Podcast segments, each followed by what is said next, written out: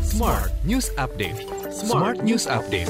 Hai semuanya, sore saya Audrey Juwana dalam Smart News Update edisi tanggal 2 November 2022. Berita pertama, Bank Indonesia menyebut indeks harga konsumen atau IHK pada Oktober 2022 mengalami deflasi 0,11 persen secara bulanan lebih rendah dibandingkan dengan perkiraan awal maupun inflasi bulan sebelumnya yang tercatat 1,17 persen di mana dikatakan Direktur Eksekutif Kepala Departemen Bank Indonesia Erwin Haryono bahwa realisasi inflasi yang lebih rendah dari perakiraan sebelumnya, sejalan juga dengan dampak penyesuaian harga bahan bakar minyak terhadap kenaikan inflasi kelompok pangan bergejolak dan inflasi kelompok harga diatur pemerintah yang tidak sebesar perakiraan awal. Berita selanjutnya, PT Pertamina Persero kembali melakukan penyesuaian harga bahan bakar minyak non-subsidi per 1 November 2022. Harga BBM Pertamax Turbo turun, sedangkan harga BBM Pertamina Dex dan juga Dex Lite naik.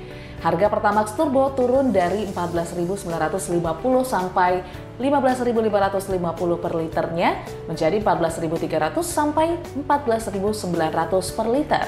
Adapun harga Dexlite naik menjadi 18.000 sampai 18.700 per liter dari harga sebelumnya 17.800 sampai 18.400 per liternya.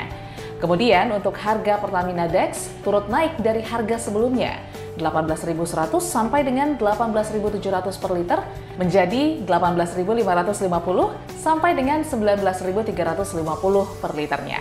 Sementara itu, harga BBM Pertamax dan juga Pertalite tidak mengalami penyesuaian harga.